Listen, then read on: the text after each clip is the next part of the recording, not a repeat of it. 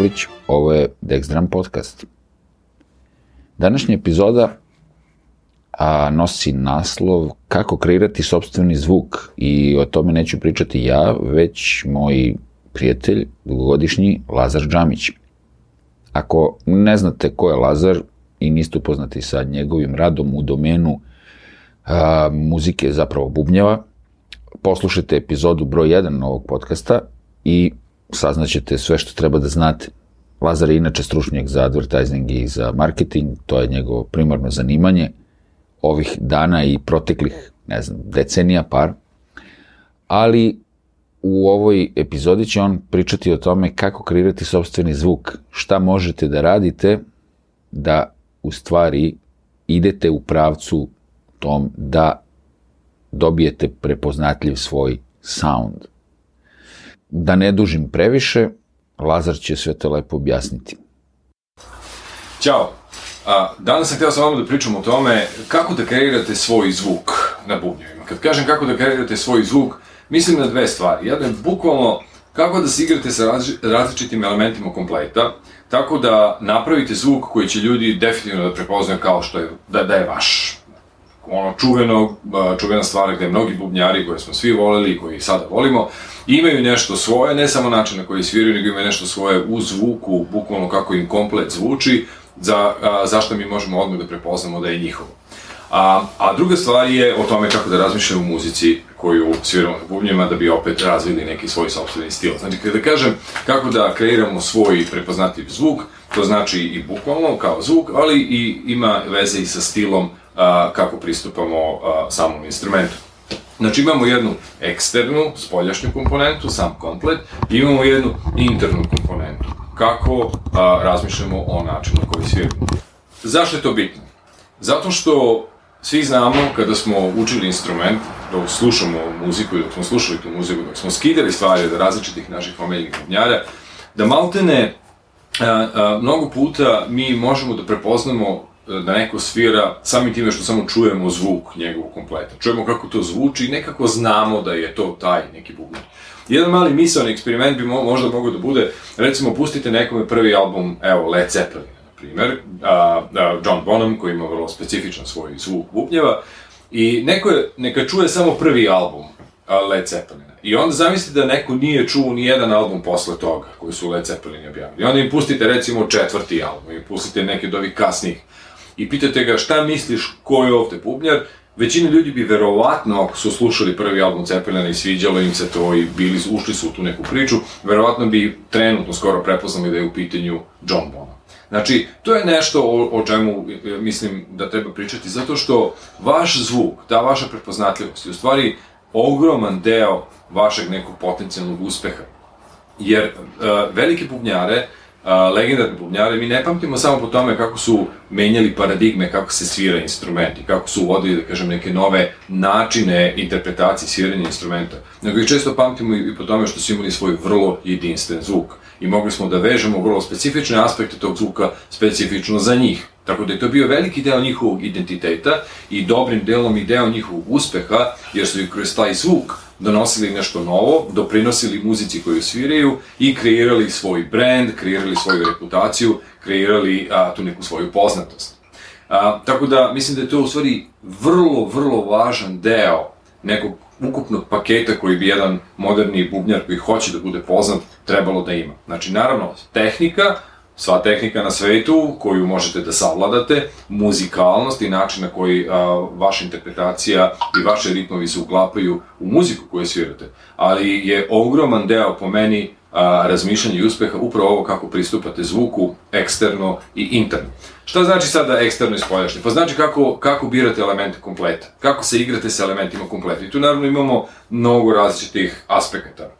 A, komplet bubnjeva može da zvuči kao jedan instrument, kao što mnogi poznati bubnjari mu pristupaju kao instrument po sebi, ne kao samo skup različitih delova, I onda tu možemo da se igramo sa prostorijom u kojoj snimamo, možemo da se igramo sa kompletima, drvetom i tako dalje, koje koristimo, da bi krenuli od nečega drugačijeg. Recimo, Điđi Jankelić je bio poznat po tome što je svirao um, neki ljudi vole, neki ljudi mrze, on je stakato komplet bubnja koji je zaista imao vrlo specifičan svoj daskasti zvuk i mnogi su samo po tom zvuku mogli odmah da kažu da je u pitanju Điđi, odnosno da je to nešto što je postao njegov zaštitni znak. A, naravno, razlikuje se zvuk drveta od a, zvuka pleksiglasa ili akrilika, pa onda imamo različite vr, a, vrste konstrukcija koje sve mogu da doprinesu, da li je metal, da li je drvo ili nešto slično, da vaš zvuk krene u određenom pravcu. Drugi element za razmišljanje su pojedini delovi kompleta. A, mnogi bubnjari su poznati po, recimo, specifičnom zvuku svog da je Doboš jedna, neka vrsta srca centralnog mesta jednog kompleta i da su se mnogi identifikovali sa njihovim zvukom. Naprimer, a, vrlo visoko zategnuti, visoki zvuk Doboša koji recimo Stuart Copeland iz Polisa, koji recimo ima Carter Beauford iz Dave Matthews Banda, a, koji je vrlo interesantan, vrlo neobičan, nekim ljudima čak i pomalo neprijatan a, tonalitet doboša koji recimo Bill Bruford ima u svom kompletu i u, i u muzičkim, a, pre svega fusion a, a, bendovima u kojima je radio. I tako dalje, i tako dalje. Znači, mnogi bubnjari su a, srce svog zvuka stavljali na doboš. John Bonham, naravno, sa svojim specifičnim, a, vrlo moćnim zvukom koji je mnogo kopiran od strane i semplova, naravno, od strane mnogih modernih bubnjara. I tako dalje, i tako dalje. Znači, da li postoji nešto što možemo da se poigramo sa vrstom doboša koje koristimo, sa dubinom, sa prečinom doboša, sa kožama koje koristimo, s materijalom i tako dalje i tako dalje, koji može da otvori jednu novu dimenziju našeg na, našeg zvuka, novu dimenziju našeg doboša. Čak često ići u neke neobičajene, neočekivane pravce, kao što je možda uvođenje kompletno novog materijala. Ja se sećam kada je Messing postao metal od koga su svi hteli da imaju doboša, pa onda Dave Eklov, Dave Eklov zvuk doboša je u početku bio u velikoj meri definisan time što je imao taj jedan piccolo, uh, uh, Yamahin piccolo uh, doboš od Messinga koji je u velikoj meri definisan njegov zvuk tada i tako dalje. Znači, tu imamo jednu priču. Ili da odemo potpuno suprotno, ako je prevalentni zvuk doboš u, u muzici koju vi svirate trenutno vrlo visok i jako zategnut i tako dalje, Da li možda treba da odete na suprotnu stranu? Da odete na veće doboše sa vrlo dubokim i opuštenim zvukom. Recimo kakav je zvuk a, a, grupe Queen, gde je doboš baš dubok, jako je onako mesnat, jako je sočan, nije visoko zategnut i ima potpuno svoj drugačiji tonalitet i opet na neki način mi čim čujemo taj zvuk doboša nekako ga vezujemo za, za, za Queen to su, da kažem, pravci u kojima bih ja predložio da razmišljate. Kako mogu da, dok svi rade jednu istu stvar, gde ja u kom pravcu mogu da odem da bude malo drugačiji i onda se igrate sa ovim elementom. To takođe može da bude, recimo, zvuk činela. A, opet, mnogi bubnjari su vezani za specifične činele. Recimo, Danny Gottlieb iz Pet, Metini benda je bio jedan od prvih koji je počeo da koristi flat rides, a to znači činele bez, bez zvona, koje daju taj vrlo kristalan, čist, e, vrlo, vrlo specifičan ton koji nema mnogo tog spreda, ali ima vrlo, vrlo fokusirani taj neki ping i on je recimo često bio vezivan za taj neki zvuk činela, da ljudi malo ne čuju taj zvuk činela, odmah pomisle na njega, jer on bio jedan od prvih koji je to popularisao.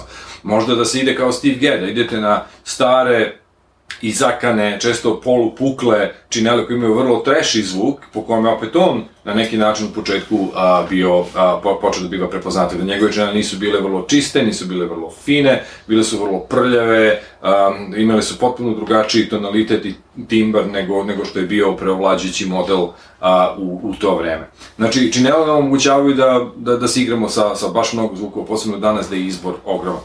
A treća stvar je kako možemo da dodamo neke nove elemente kompleta koje možda niste ranije koristili, a koji mogu da postanu opet neki vaš zaštitni znak. Recimo Simon Phillips, koji je a, jedan od prvih počeo da na masovnom nivou koristi oktobane i njegov zvuk, mnogi njegovi ritmovi, mnoge a, partiture, odnosno deonice koje on kreirao za razne a, si, muzičke situacije su bazirane na oktobanima kao, ne samo kao nešto se koristi u prelazima, nego što se koristi kao integralni deo konstrukcije ritma, ritam ne postoji ako se izbace ti neki udarci koji se rade na oktobanima takođe. Recimo možda to.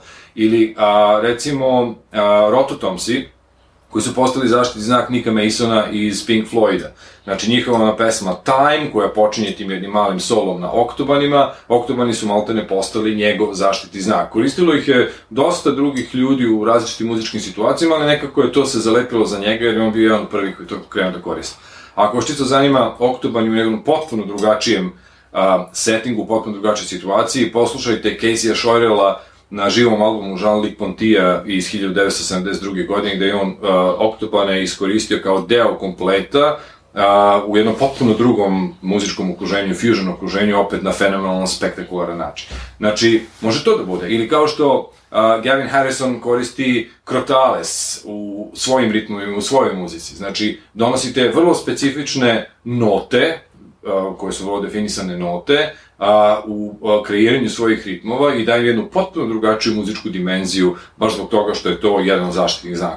Ili recimo Bekl koji koristi sada džembe i mnoge druge udaraljke kao opet deo svog kompleta da bi na njima kreirao a, vrlo interesantne i drugačije deonice. Znači, svet nam je užasno otvoren sada, nikad u životu, nikad u istoriji našeg instrumenta nismo imali toliko opreme, toliko različite opreme, toliko opreme koja je elektronski sada pojačana i obogaćena, a, mogućnosti za kreiranje a, naših sobstvenih karakterističnih zvukova, ja mislim da nikada nisu bile veće, i meni je nekde, negde malo onako žao da mnogo ljudi zvuči isto danas. I stvarno ne bi trebalo da bude tako. Nikada nismo imali na raspolaganju veći repertoar instrumenta i načina da malo načinimo sebe da zvuči drugačije. A to može da bude i način, na primjer, kako se miksuju bubnje, na način kako se a, a, radi limitiranje bubnjeva ili kompresija bubnjeva. A, Alex Van Halen koji uvijek ima užasno kompresovane svoje bubnjeve i oni mu daju vrlo, ta kompresija mu u stvari daje celom kompletu jako specifičan zvuk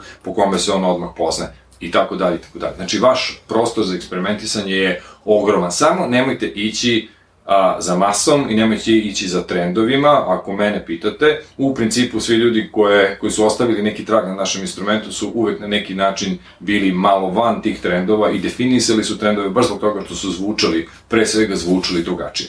I to je taj neki spoljašnji deo priče kako kreirati sobstveni zvuk.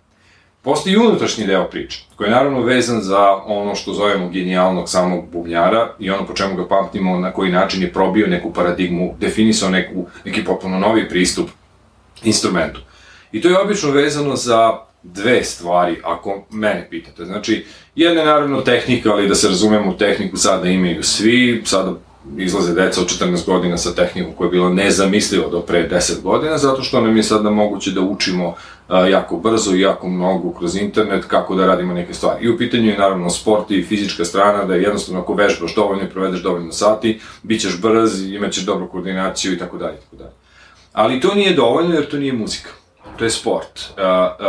Ta tehnika funkcioniše i vredi jedino ako se stavi u određeni muzički kontekst koji obogaćuje muziku a, u kojoj se primenje. U smislu, ako vašu partituru bubnjarsku izvučete iz neke pesme, ta pesma bi morala da se raspadne.